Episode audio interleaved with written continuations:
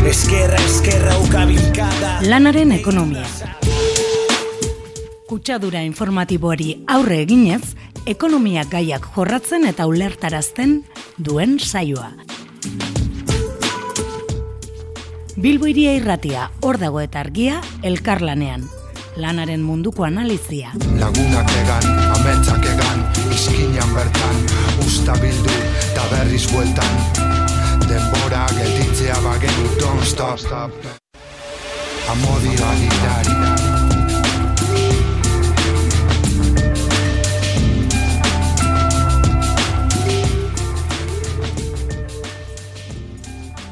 Ba, arratsaldeon beste behin ere gurekin egotearren lanaren ekonomiako irra saioan gaur pilpileko gaia karkigu, gai korapilatsua, gaia saia ere, esan daiteke, edo agian ez horren beste guazen ikusten e, nekazal munduan ematen arien gatazkazari gara jakina azken astetan traktora da ospetsu horien bidez ikusgarriak direnak. Eta horri helduko diogu betiko lez Euskal Herrealitatetik eta ikuspuntu ezberdinak aztertuz.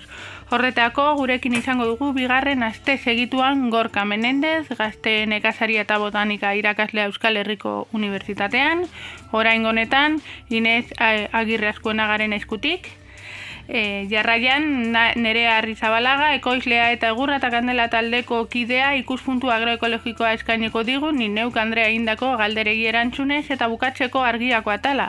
Jon Berrek, Euskal Herrian, gaia bikain ezagutzen duen Genofa beroko irigoin, kasetaria elkarrizketatuko du, pasada nila kama argian argitaratutako artikulu baten arira, non laborantza ereduaren hausiari egiten dio erreferentzia. Baina guzti hori baino lehen, Inesek ekarritako sindikal agenda entzuteragoa, sarratzaldeon Ines. Arratzaldeon bai. Ba, arratzaldeon eta sindikal agendarekin hasteko martzan dauden grebekin hasiko gara. Beraz, ba, Bizkaian, urduli zen, mekaner enpresako langileak greba mugagabea hasi zuten pasaden otzaiaren zazpian. Deslokalizazioa prozesua gelditzeko. Zeinak eunda berrogeita sortzi lan postu jarri dituen kolokan. Protesta deitu dute martxoaren birako urduli zen. Etorkizuneko industriaren alde eta mekanerren itzieraren aurka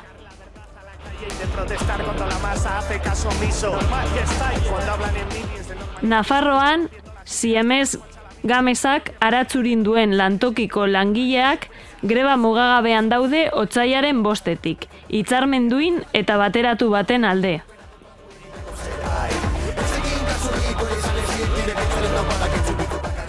Bihartik hasita, otzaiaren hogeita bitik, Bizkaiko foru aldundiaren garbiketako azpikontratatutako langileek, ostegunero amaikaterdietan aldundian parekatzea orain lan bera, soldata bera, mobilizazioak deitu dituzte.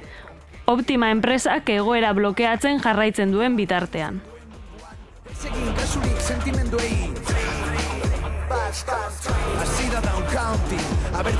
Bihar baita ere, Iruñara joan da, mobilizazio bat egongo da goizeko amarretan Mernadadeen plazan.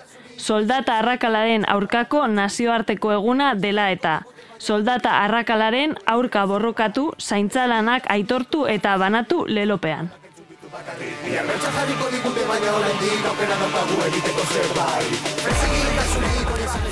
Otsaiaren hogeita lauan, hau da, larun bat honetan, Bilbon, Berriotzoak plataformak, argilanek eta Euskal Herriko etxebizitza sindikatu sozialistak manifestazioa deitu dute, prestazio sozialetan egingo dituzten murrizketak salatzeko. Amabietan hasiko da, plaza eliptikatik.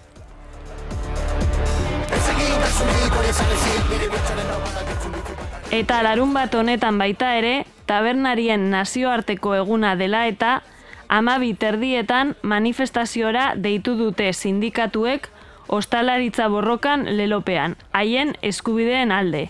Asociación de Hostelería Bizkaian hasiko da. Goizeko amabi terdietan, Bilboko etorbide nagusiaren hogeita mazortzigarren zenbakian.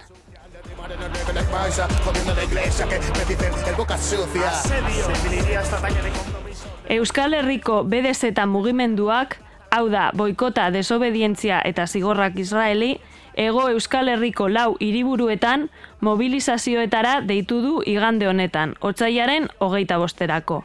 Bilbon eliptikatik aterako da goizeko amabi terdietan. Donostian amabi terdietan bulebarretik. Gazteizen Andrasuriaren plazatik amabi terdietan eta Iruñan goizeko amabietan Antoniutik.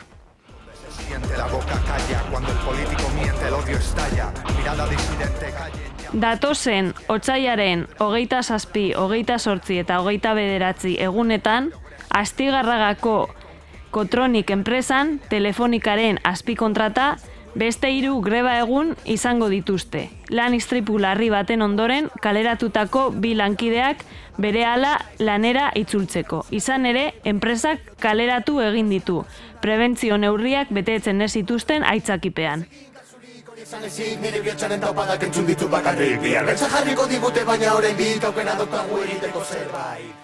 Unibertsitateko prekarioen koordinadorak baita ere, martxoaren zeirako Euskal Herriko Unibertsitateko irakasle eta ikertzaile guztietan greba eguna prestatu dute.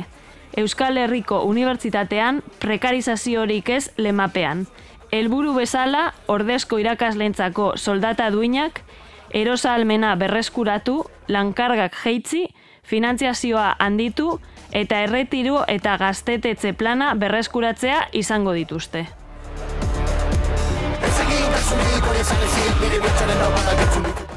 Renfeko makinistek greba egingo dute martxoko lau egunetan.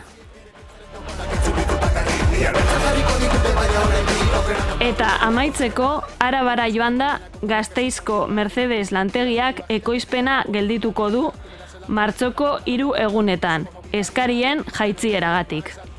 La iglesia Me dicen el boca sucia Al derribar en el reggae like Maisa Jodiendo la iglesia que me dicen el boca sucia Asedio. Definiría esta talla de compromiso, de politizar este inciso, de sacar la verdad a la calle y de protestar cuando la masa hace caso omiso. Normal que estáis cuando hablan en minis de normalizar Euskadi corrompiendo las ideas. Tu cuerpo echa la bilis, un pueblo que flaquea y Bueno, ba, lehenengo elkarrizketarekin hasteko, e, Gorka Menendez daukagu, e, jakingo duzuenez, Gorka Menendez laboraria da eta botanika irakaslea Euskal Herriko Unibertsitatean. Eta aurreko lanaren ekonomia saioan e, gurekin egon zen klima aldaketaren ondoriozko Euskadi tropikalaren e, inguruan ba, solasten. Eta gaurkoan berriro ere e, hemen daukagu Bilbo iriako mikroetan traktoreen protesta hitz egiteko. E, bueno, arratsaldeon gorka. Arrastion. Bai, zelan ikusten dira... Jarri, jarri barko nauzue nominan, eh, azkenean. Bai. Beste kolaborazio. Bai, bai, ja lantaldearen parte. bueno, bai. E, ba hori, e, gaiari dagokionez, e, zelan Bai. ikusten dira traktore handien protestak e, laborari txikien ikuspegi batetin. Nekazarien klase bereizketa egin beharra dago borroka ulertzeko, ezta? Bueno, a ver, eh, bai, a ver, gero, zer da nekazari txikia, zer da nekazari handia hori be...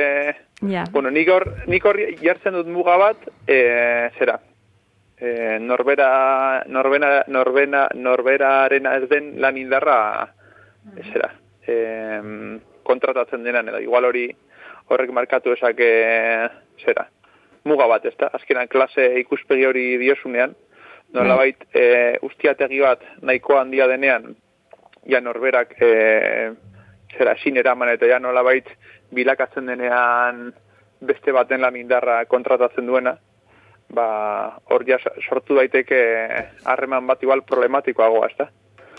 Eta, la pasa que segun, segun eh, incluso Estatu Espainiarrean zelekutan gauzen, ba, norberak eraman dezaken ustiak, ust, ustiategi bat, izan daiteke handiagoa da txikiagoa. Zata, aterako hemen e, ba, gu, gu baserrian, gureko guz bi negutegi eramaten dugu, eta bos mila bat metro karratu negutegi kanpoan, eta mm. más o menos hori pertsona batek eraman dezake. Eta horrekin atara dezakegu soldata bat. Baina igual zoaz arabara, eta eta bardozuz hogei hektaria, ze hor e, nekazaitza da estensiboan. No zu traktore handi bat, eta igual zuk eraman dezakezu horien. Bai. Nik uste dut hor, hor dagoela gakoa, ja, ese puntura arte, e, usti, zure ustiategian beste pertsonen lan indarra bueno, ustiatzen duzun. Bai. Bale, eta beste alde batetik, e, Espainia mailan, e, estatu mailan borroka frontea e, gai izan da amabi aldarrikapen bateratzaileak ba, mai gaineratzeko edo. Eta zuk e, ze irakurketa egiten duzu ba, taule reivindikatibo honetaz?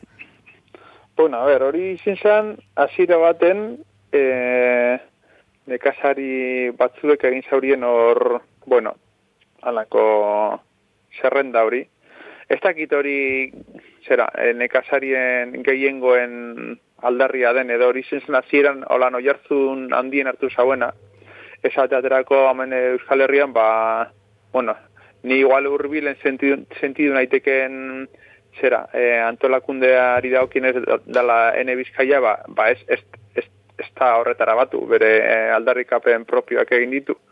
Eta horrek amabi horiek, a ber, horietan, eske irakurri itzakezu aztakeri bakotzi, ba, ez ba, ez atetik e, zera, e, zelan da, gobernuak eta bizela klima manipulatzen geongeneria klimatikoaren bitartez, aipatu gabe aldaketa klimatikoa esateatera gori bai. puntetako bada.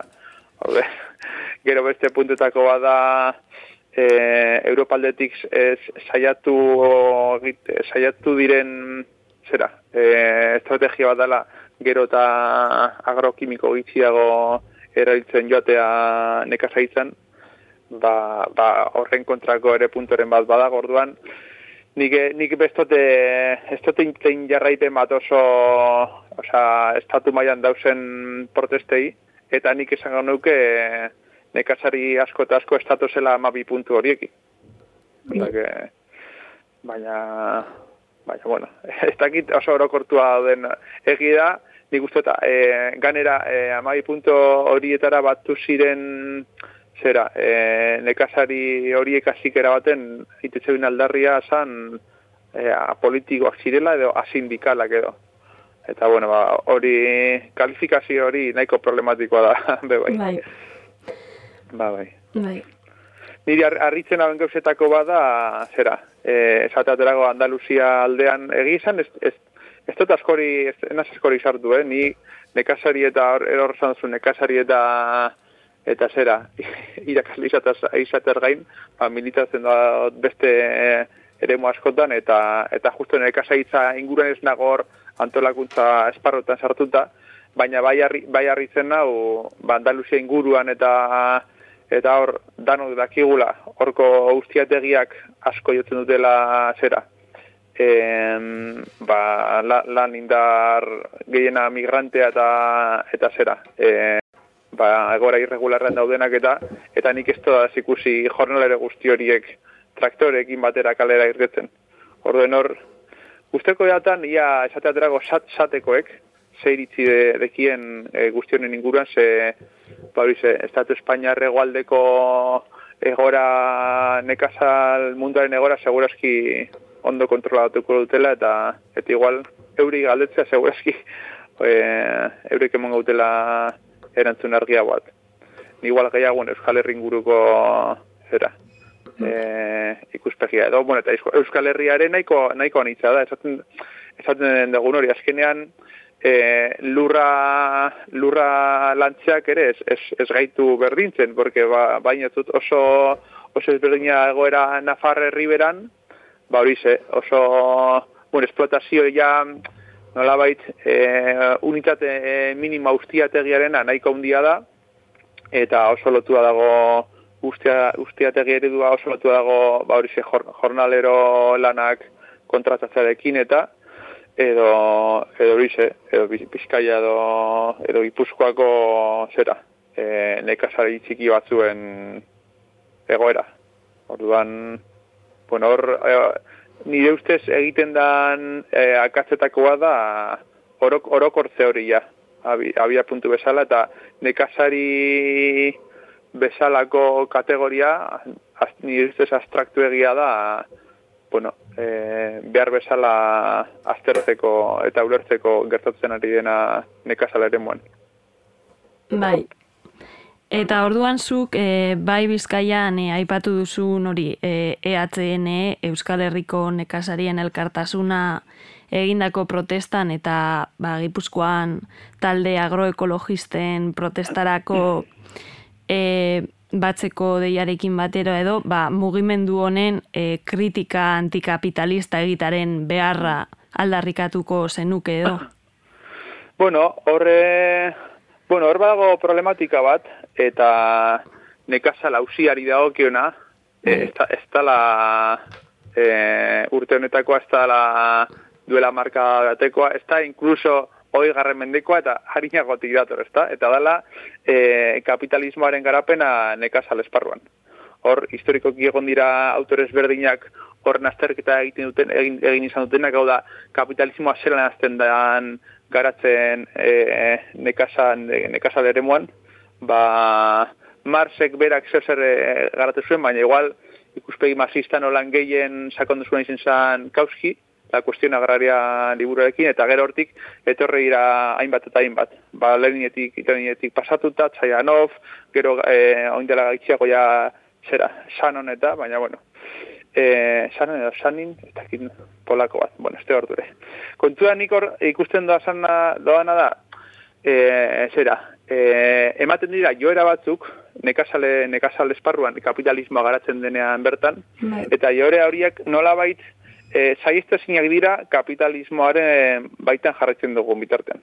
Eta hor, bai emoten da, nekazari askoren partetik, ba, nola aldarri bat, esatea, ba, ez dakit, e, basate baterako kompetentzia e, ba, beste herrialde batzuetan e, ematen den zera ekoizpenarekin. Ez da, ba, zelan e, gure merkatura sartzen den marrokoseko ekoizpena edo zera, Amerikakoa edo danalakoa.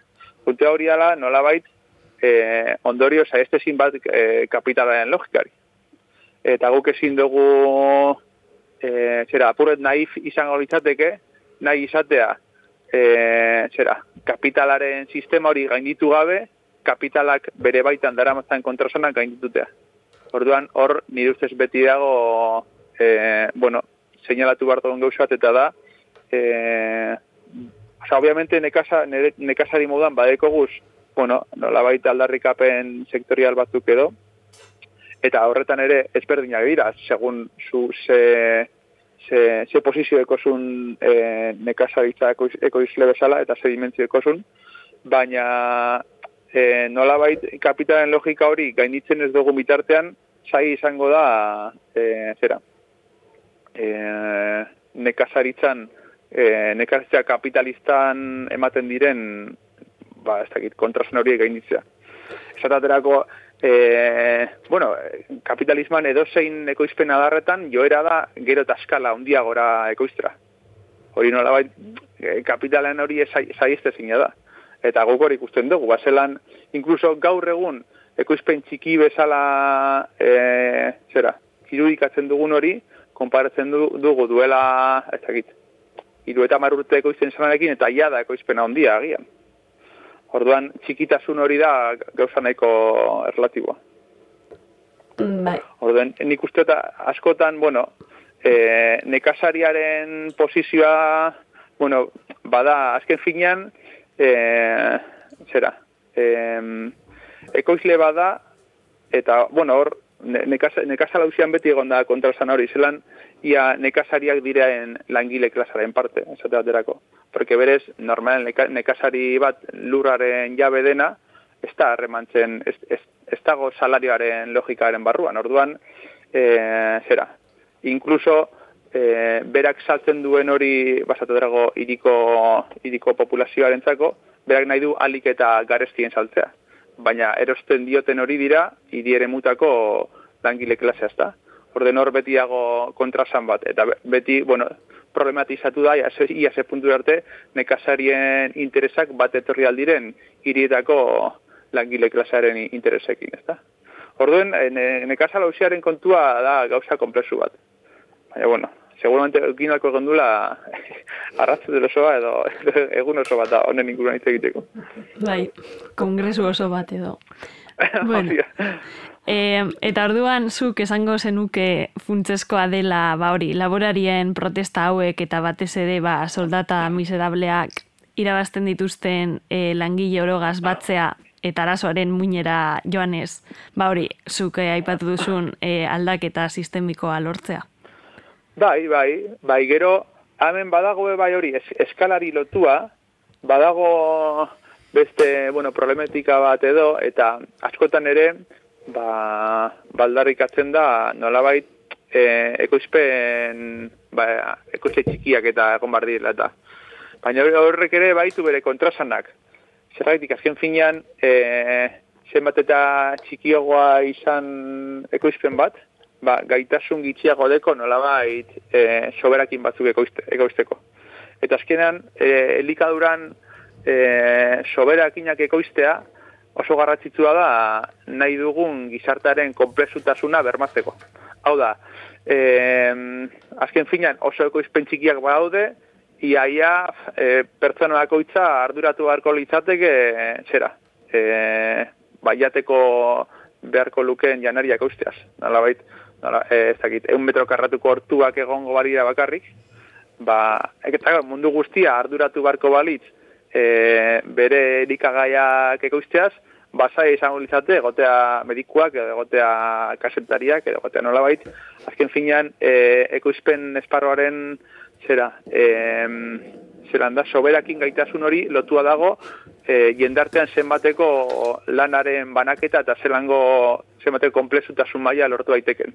Zenbat eta eko, ekoizpen eskala handiagoa egin, ba nolabait soberakin hori e, produktibidade hori handitzen da, eta nolabait, bastakit, e, nekazari bakar batek ekoizten baditu, ba, irian biziren, bueno, edo edo irian, edo beste e, demagun gainontzeko nekazari muan bizi diren mila pertsona entzako janaria, mila pertsona horiek ez dira zertan egon e, zerean e, elikadura esparruan lanen, eta norabait eunen lana liberatu daiteke gizartearen txako e, zera probetzuzkoa diren beste lan batzuk egiteko. Pasake hor, hor, horrekin nolabait zenbat eta eskala ondiagora jo, ba hor, e, hori ekoizpena edo eta soberakin gaitasuna ondituz doa, baina horrek ere sortzen ditu beste kontrasanteriatu batzuk esate baterako, zenbat eta ekoizpen batek euska, eskala handiagoan jardun, bakalte ekologikoak ere handiagoak izateko aukera daude, edo, e, zera, e, tek, teknologiarekiko, ba, dependentzia maila handiagoa ematen da. Porque azken nazuk, oso eskala handian ekoiztu barba oso, bi aukera dituzu, edo, nola, jente gehiago parte hartzen du ekoizpen horretan. Eta beraz, zelan antolatzen da, e, zera, langiles berdinen arteko ekoizpen hori, ia zelan e, eman daiteken eskala ekoizpen hori modu demokratikoan, eta demokratikoa ulertuta agian zentzu sozialista baten edo. E, eta edo bestela nolabait teknifikatu behar duzu ekoizpena, nolabait e, mekanizazioa e, bueno, e, haunditu behar duzu, eta, eta horrek eramaten zaitu e, zera, e, makinarekiko edo teknologiarekiko menpekotasun handia lortzea eta beraz, bueno, autonomia, zure autonomiako izan moduan ba, murrizten da. Orden hor sortzen da nolabait, e, zera bat, e, kontrasan batea tentzio bat, e, zenbat eta ekoizpen txikioak izan, nolabait soberakinak ekoizteko gaitasun txikiagoa, eta beraz, komplexutasun soziale, sozialare txikiagoa, eta ekoizpenaren dimentzia ondituz bagoaz, ba, ba, komplexutasun sozial handiago lortu dezakegu, baina e, ia zerren kaltera. Logikoki ere jasangarritasun maila txikiago izango duten e, ekoizpen prozesu batekiko, edo en, e, logikaren teknifikaziora, e, jango zera logika batera, edo e, langileen esplotaziora, edo bueno, hor, hor bueno, bada, da kontuen nire ustiz interesgarria. Eta askotan egia egiten dela aldarri bat, bueno, ekoizpen txikiarena, eta eta kontuen izan behar dugu Euskal Herrian iru milioi pertsona bizi garela. Eta erduen iru milioi pertsona horientzako janaria zelan ekoiztu behar da. Porque eh, azten bagara nolait, hortu txikiekin, ba igual iru milioi pertsona horiek jan behar dira eh, hortura laneta. Eta hori problematikoa, ze irumei pertsen horiek ez dute nahi hortuan egon lanean. Claro. Egan, euneko bia edo nahi dute, baina gainotzeko laro eta basortzia, ez.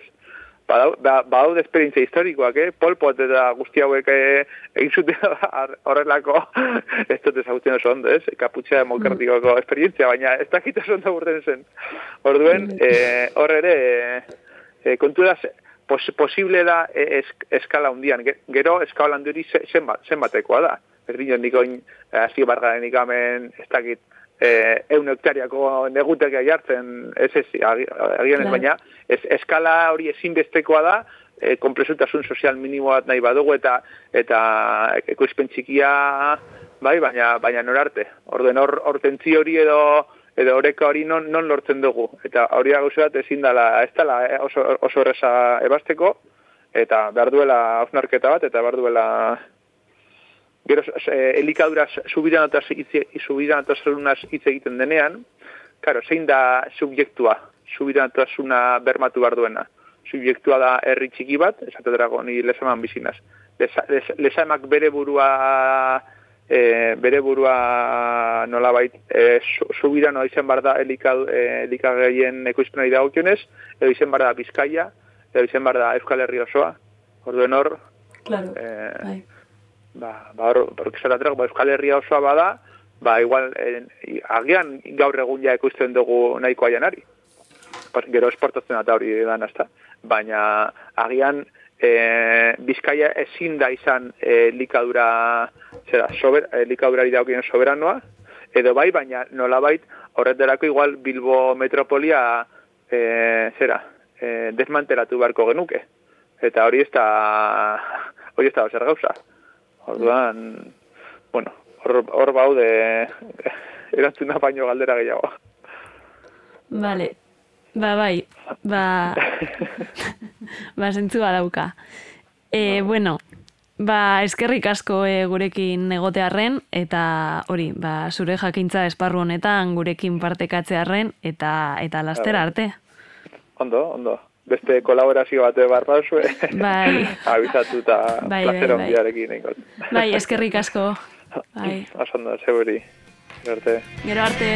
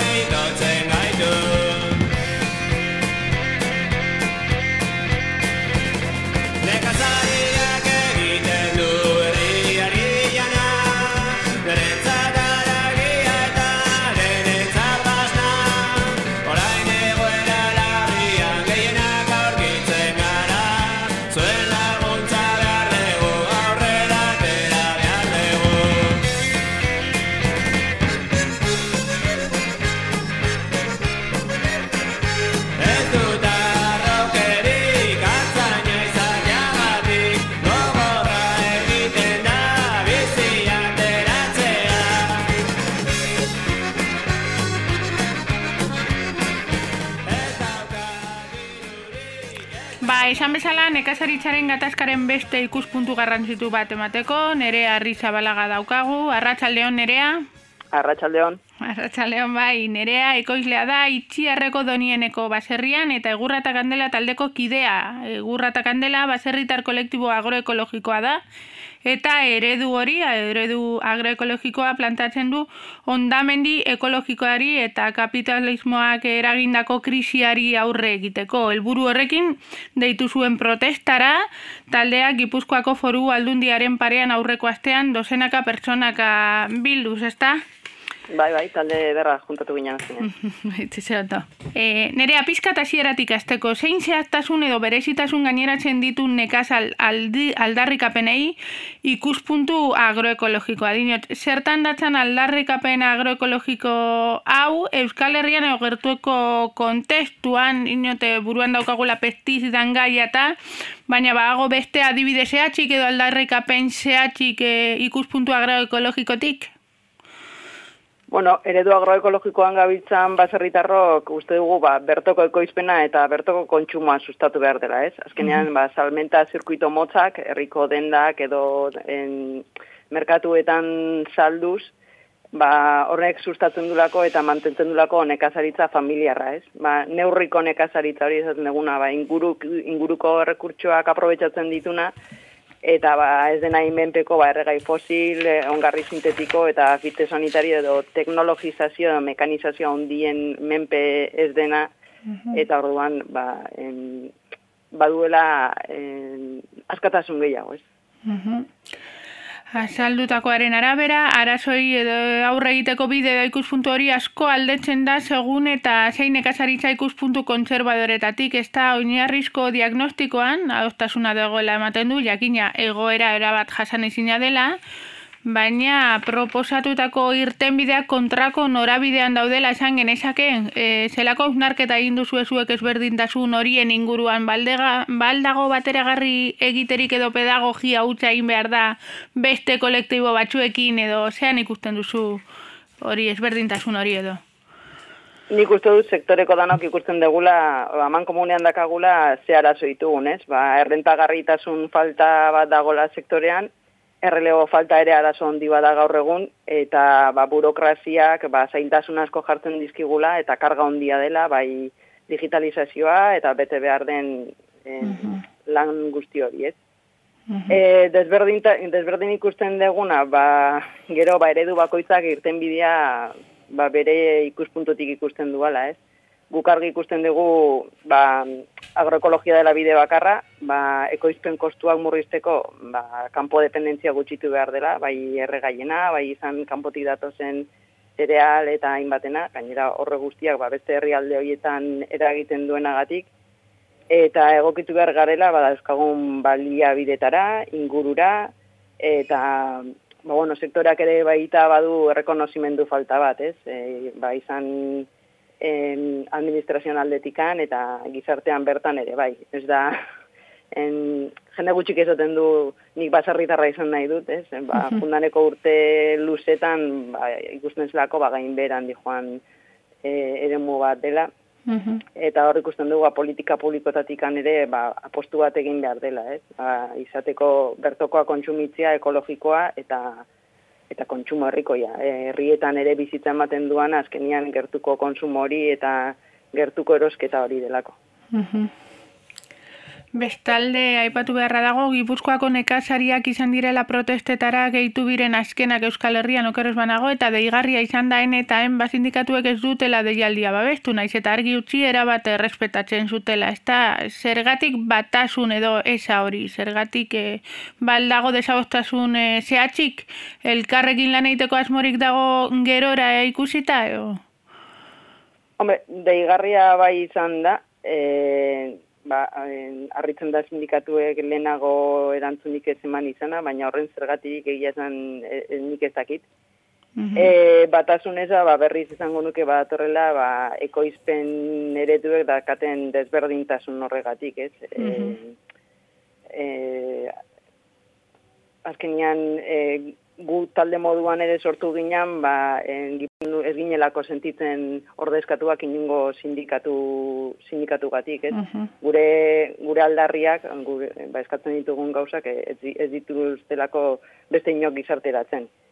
Eta egurratak handela, ba, pixkat behar hortatik sortu zen, eta guztiz errespetatuz, eh? bai ertentzian eh, aurreok, eh, astelenean ertentzian gazteak ere mobilitazatu zian, ba, pixkat azerretik, eta egoera ikusita, eta ba, desadostasun horren aurrean ba, irten bidean nundik, ez? Hori pixkat izan beharko zen mairatu behar dena. Eta bestekin lan egiteko asmoa, ba, ba ingo arazori gabe, esan bezala, ba, gu oso talde berria gera, baina ba, azkenean gure norabide berean dijoazen ed- edonorekin harmanetan egoteko eta elkarnariako prestutasun osoz. Eta azkeneko galdera bukatzeko eta ia ia ikasteko asmoz barkatu, baina bakigu nolabait Europar batasunaren erantzunkizuna dagoeneko egoeran eta estatu mailakoa gitxi gora bera be. E, baina arazoen zein natala dagokio Gipuzkoako foru aldundiari eta zein eusko jaurlaritzari ero eusko autonomi erkidegoari, ez? Zein esango zenuke dela Gipuzkoa, Bizkaia eta Arabaren arteko aldea do eta Nafarroarekiko desberdin, desberdintasuna ere e, zein da edo desberdintasun nabarmenena behintzat. Hombre, nik ez ditut e, e, gainontzeko erkidegotako realidadea gehiagi ezagutzen, Mhm. baina, bueno, politikak Europatik e, datoz markatuta, orduan Mhm. imaginatzen dut, e, desberdintasun gutxi gora bera batzukin, ba, adibidez Gipuzkoan ja tiket bai badakagu, araban ere bai, bizkaian oraindik ez, Mm, horrelako matiz txikiak enduta, badanak e, antzerako eukiko dugula, ez? E, azkenian ezin dana izan da, ba, ekoizle txiki eta familiarrei ba, nekazal enpresen burokrazi eta eskaera berdinak egitea, ez? Ba, jundaneko urtetan txikiak e, izten jundira, ba, askotan, e, ba, arrazoi horregatik, ez? E, behaien eskakizunak e, gero eta handiagoa dira eta asko ezin dia horre egin horreri.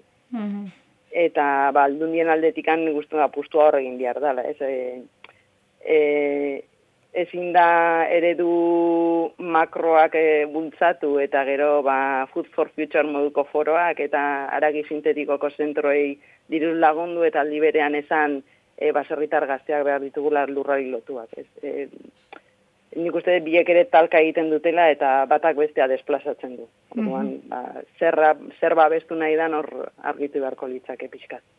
Eta gero, ba, dauden zailtasun guzti hoiekin ez, baserritar gazte bat instalatzeko, ba, lurra eskuratzeko ditun arazoak, e, diru laguntza lerroetan askotan ba, dena berria eskatzen da, horrek suposatzen dituen inbertsioetan, azkenean hor sartzen zera gero gurpil baten, ba, ba gaur egun daudenak asko, ez? Eta hitz erreza da esatia hortik irtetzea eta ba, beste eredu bat e, bideratzen joatea eta laguntzan nik uste hortik hau jamerko litzakela, ez? Ba, eredu aldaketa horretatik. Ba, hau da guztia, nerea, eskerrik asko gurekin egotearren eta espero dutugu berriz ere egotea gurean. Oso ondo, hemen ego bera. eskerrik asko gaur bai. Ego agur. Akordatzen ez txikitan, oraindik lotan nintzela. Aita goizeko mostertan, beia jazten hasten zela. Ama onduan zeukala, amak laguntzen zuela. Etxez etxe aritzeko, esne saltzaile bezala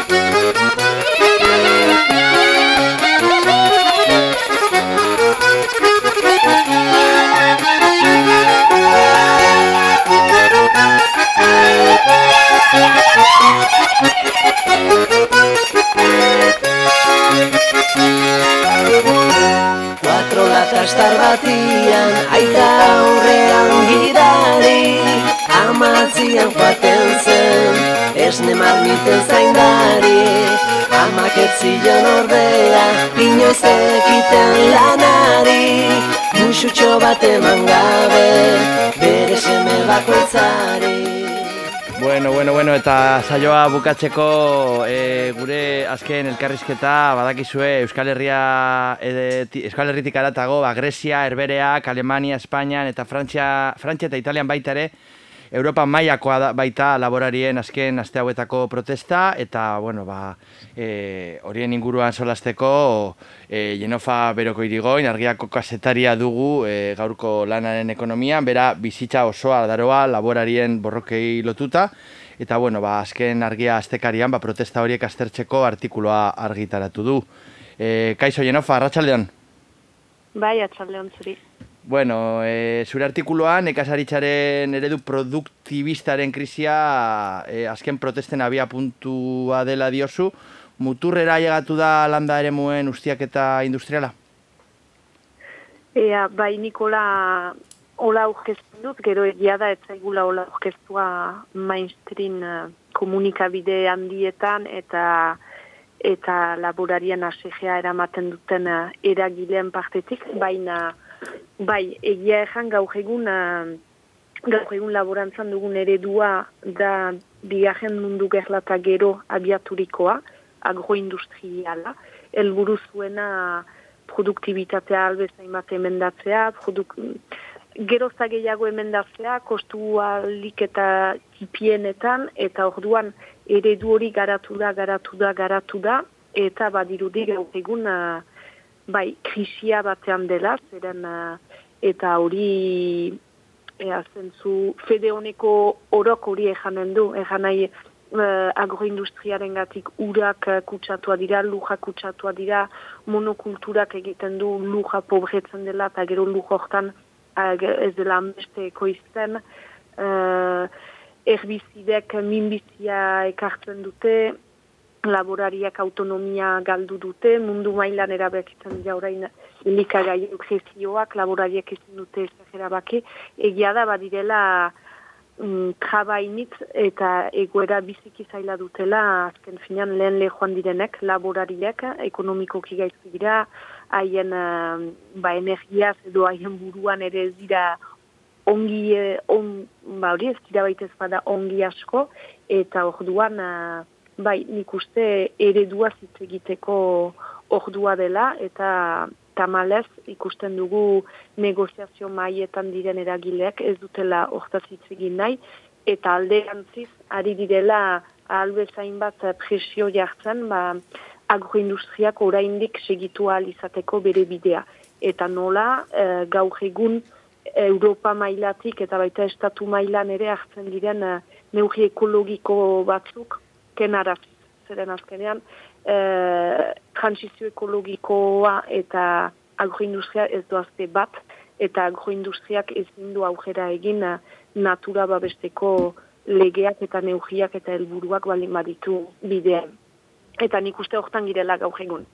Bai, bueno, de hecho, e, Ipar Euskal Herrian zein Frantzian e, agroindustriako sindikatuek protestak eten dituzte. E, bueno, asko entzun da, pestiziden erabilerari esarritako mugak Europar Batzordeak bertan bera utzi eta gero, emoten deu, e, lobien aspijokoak e, zer esaldatzeko irabazi du orduan, oza, parkatu, lobia irabazi, lobiak irabazi du orduan. Bai, gero Ipar Euskal Herrian eta Frantzian, eta denetan orokorkie, e, bada anistazun zabala laborarien artean, janai kalean diren laborarioien artean, bai badira FNSA, zuke janduzu bezala, agroindustriaren bultatzailearen sindikatuari deituz kalera atera diren oiek badira, baina gero badira beste sindikatu batzu, adibidez Konfederazion Peizan, hau dela beste mutzujeko sindikatua, eh, nekazaritza egikoiaren alde eta iraunko jaren alde ari dena, Orduan, bai FNZ-ak eh, sindikatu potologek e, etxera sartzeko deia egin die laborariai, baina laborari batzuk segitzen dute oino kajikan. Eta bai, e, azken finean etxera sartzea galdetu die, zeren e, ebezeren negoziazio maian e, nunbait lortu du nahi zuena, edo behintzat lortu ditu neugi potolo batzuk, biziki arriskutsuak ingurumenari begira, zeren behingoan ari ziren eh, helburu batzuk hartzen Europa mailan eta Frantzian, demagun 2008 marreko jahia zen helburu bezala pestizidak euneko behogeita marrez gutitzea, helburu hori kendu du Frantziak, eta berdin egin du Europako batzordeak, helburu hori kendu dut. eh, beste helburu bat ere kendu dute, edo kenduko dute dela lugogiak uh, euneko lau behar dira utzi lujak uh, landu gabe, e, diru laguntzak ukat ahal izateko, bo euneko lau hori landu gabe bete behar hori kendu nahi dute. Janai, uh, ingurumenaren aldeko neugiak kentzen ari dira, eta orduan hor agertzen da bai lobi bat badela gindelean, sindikatoiek eramana edo beste talde batzek eramana, demagun eh, eta sifre bat bakarrik, baina Bayer Monsanto dela pestiziden justuki ekoizleak, eh, jar zazpi milioi euro erabilizituen bakarrik Europarako. Bakarrik Bruselako bulegoetan presiolana egiteko pestiziden alde eta zazpi milioi euro. Eta gero ikusten dugu jazko azaruan, kendu zutuela Europaka glifosatoa erbizida kentzeko bueno, glifosatoa erbizida beste ama urtez baimendu du Europak.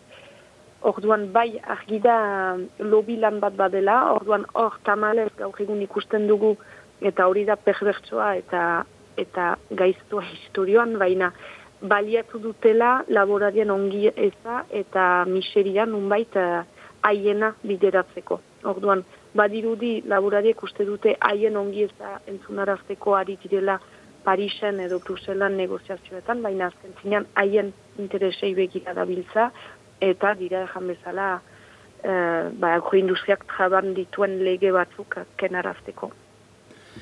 Artikulan diozu baita ere, ba, Frantziako berrogeita martalde ekologista e, borrokara batu direla, eta bueno, ba, laborarien eta ekologista urbanuen artean ba, borroka esparru bateratu bat sustatu dela baita ere, ez dakit alderak eta pertinentea da, Zulef Mondelatek edo lurraren altxamenduetan agian egon alzan bezalakoa.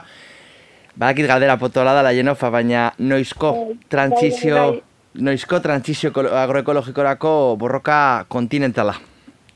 Bai, bo, gero ekologisten deia bada urbanoa, baina ez da bakarrik urbanoa, eh? orokorki talde horiek badira ere basegi munduan aktibo direnak, baina bai, zuler deman dela ter edo lujaren altxamenduak mugimenduak duen alde interesgahi hori nire ikuspegitik azteko dela hori, uh, urbano eta basegi mundukoa edo ekologista eta luja lantzen duena ma elkartzea eta aldaketaren aldeko bojoka hori taldean eta anistasun zabalean eramate hori. E, mugimendu hortan ere sendiarazina izan dute nunbait ekologistek.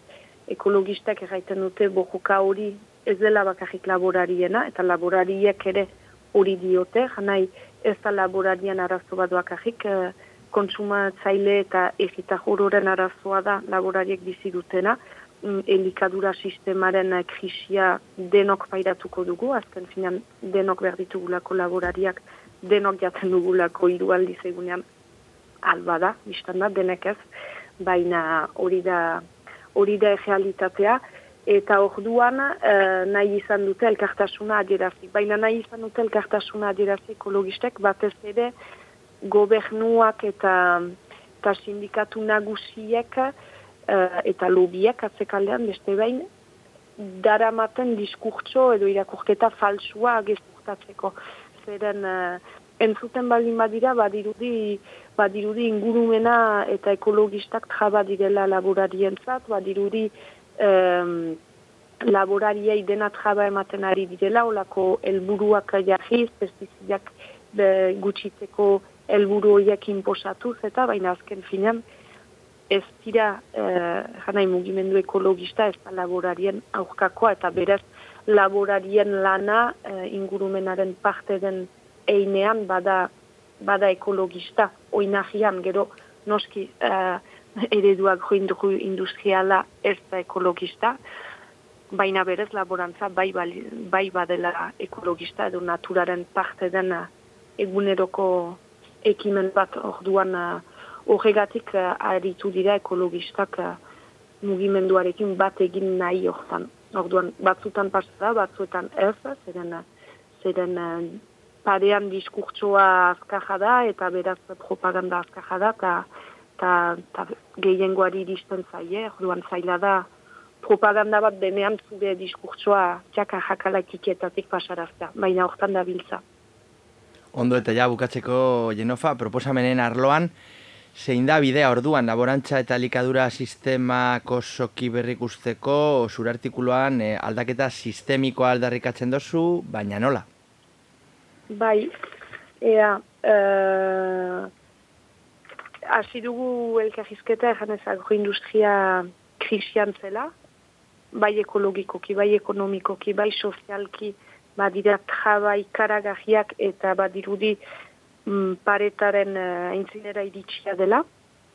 Eta orduan zer egiten da, azkenean e, badira bi bide edo agroindustriarekin segitzen da mutu jera eramanez, hau da, eta hortan da biltza lobiak hori garatu nahian da biltza, egan nahi baitu robotizazioa, egan nahi baitu pestizidak albezain bat erabiltzeko bidean libre ukatea, egan nahi baitu uh, aragi artifiziala egitea lantegietan, egan nahi baitu transgenikoak, bo, olako agroindustria muturreko batera nahi dute joan, edo hortaragoaz, eta orduan uh, ondoko belaunaldientzat eta amalujarentzat kalte, edo baliatzen dugu krisia zera erabakitzeko aldaketa sistemiko bat. Orduan aldaketa sistemikoak janai du elikadura sistema eta laborantza sistema dena ikusten dugula, dena ikusten dugula, bai lokalki, bai mundu mailan, eta eta ausardiaz jokatzen dugula.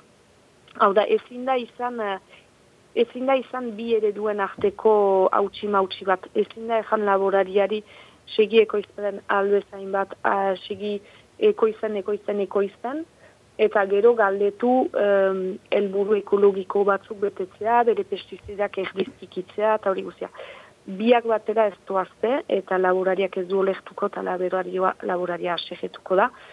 Beraz, behar dena egin da, laboraria sustengatu bestelako sistema bat garatzeko, dela agroindustriala, agroindustriala ez barkatu, agroekologikoa, eta, eta bere frogak erakutsia ditu uh, sistema horrek ere bai, eta nik artikuluan aipatzen dutan txosten potolo bat, da Food System Economic Commissionek ateratakoa, irurogei bat ikerlarik landutakoa lau urtez, eta bi ereduak aritu dira konparatzen. Eta konklusioa da, ekologiko sozialki, baina ekonomikoki ere bideragarria dela aldaketa sistemat, ja, aldaketa sistemikoaren uh, bideratze hori bideragarria dela eta egingarria dela. Beraz, uh, bai, baina hori ausardia behar da eta eta politikako jenalde eman eta laguntzako jenalde eman uh, al, denek bideratu alizateko aldaketa hori. Bueno, Jenofa Beroko irigoin, argiako kasetaria, E, eskera unitz, e, beste behin ere lanaren ekonomia lantaldeko e, galderak e, erantzutea gaitik, eta urrengo batera arte? Bai, mire esker zuri.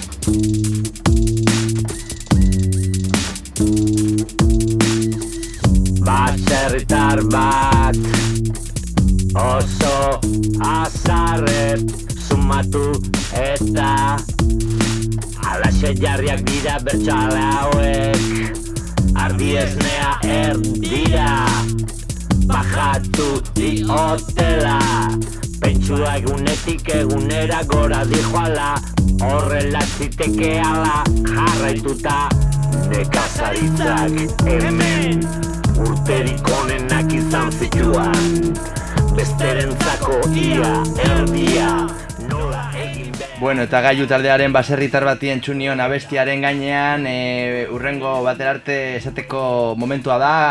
Saio potoloa izan dugu gaur, e, hemen e, e, lanaren ekonomian, e, alde batean ba, Gorka Menendez e, aurreko saioan bezala botanika irakaslea eta laboraria bera egindako irakurketa gaitik, gero ba, gipuzkoatik e, em, egurra eta kandela taldeko eta protestan antolatzailea izan da nerea Arrizabalaga izan dugu gure, gure gaurko mahai honetan eta bukatzeko lanaren ekonomia lantaldeko espaldiko laguna, Jenofa Beroko Irigoin, argiako kasetaria eta baita bera laboraria, laborarien alaba e, izan dugu e, solaskide. Orduan, bueno, hori danakaz, e, e, beti ere e, gure gaurko e, e, lantaldeko e, la, e, kidei agurtzen bait, e, e, agurra eskatuz Andrea de Vicente Agur, bai.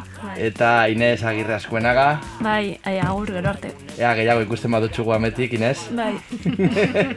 Eta bueno, ba, beti ere eskerreik asko e, e, zintxo bat emonez e, Bilbo iriako entzulei, baita arrozazareko komunitate osoari gure saio sume hau zabatxeagatik eta bueno, ba, gogoratzea lanaren ekonomia, El Salto Radio, hor dago, argia eta Bilbo iriak egindako elkarlana dala eta bueno, ba, emetik bi astera berriro entzungo gara elkar.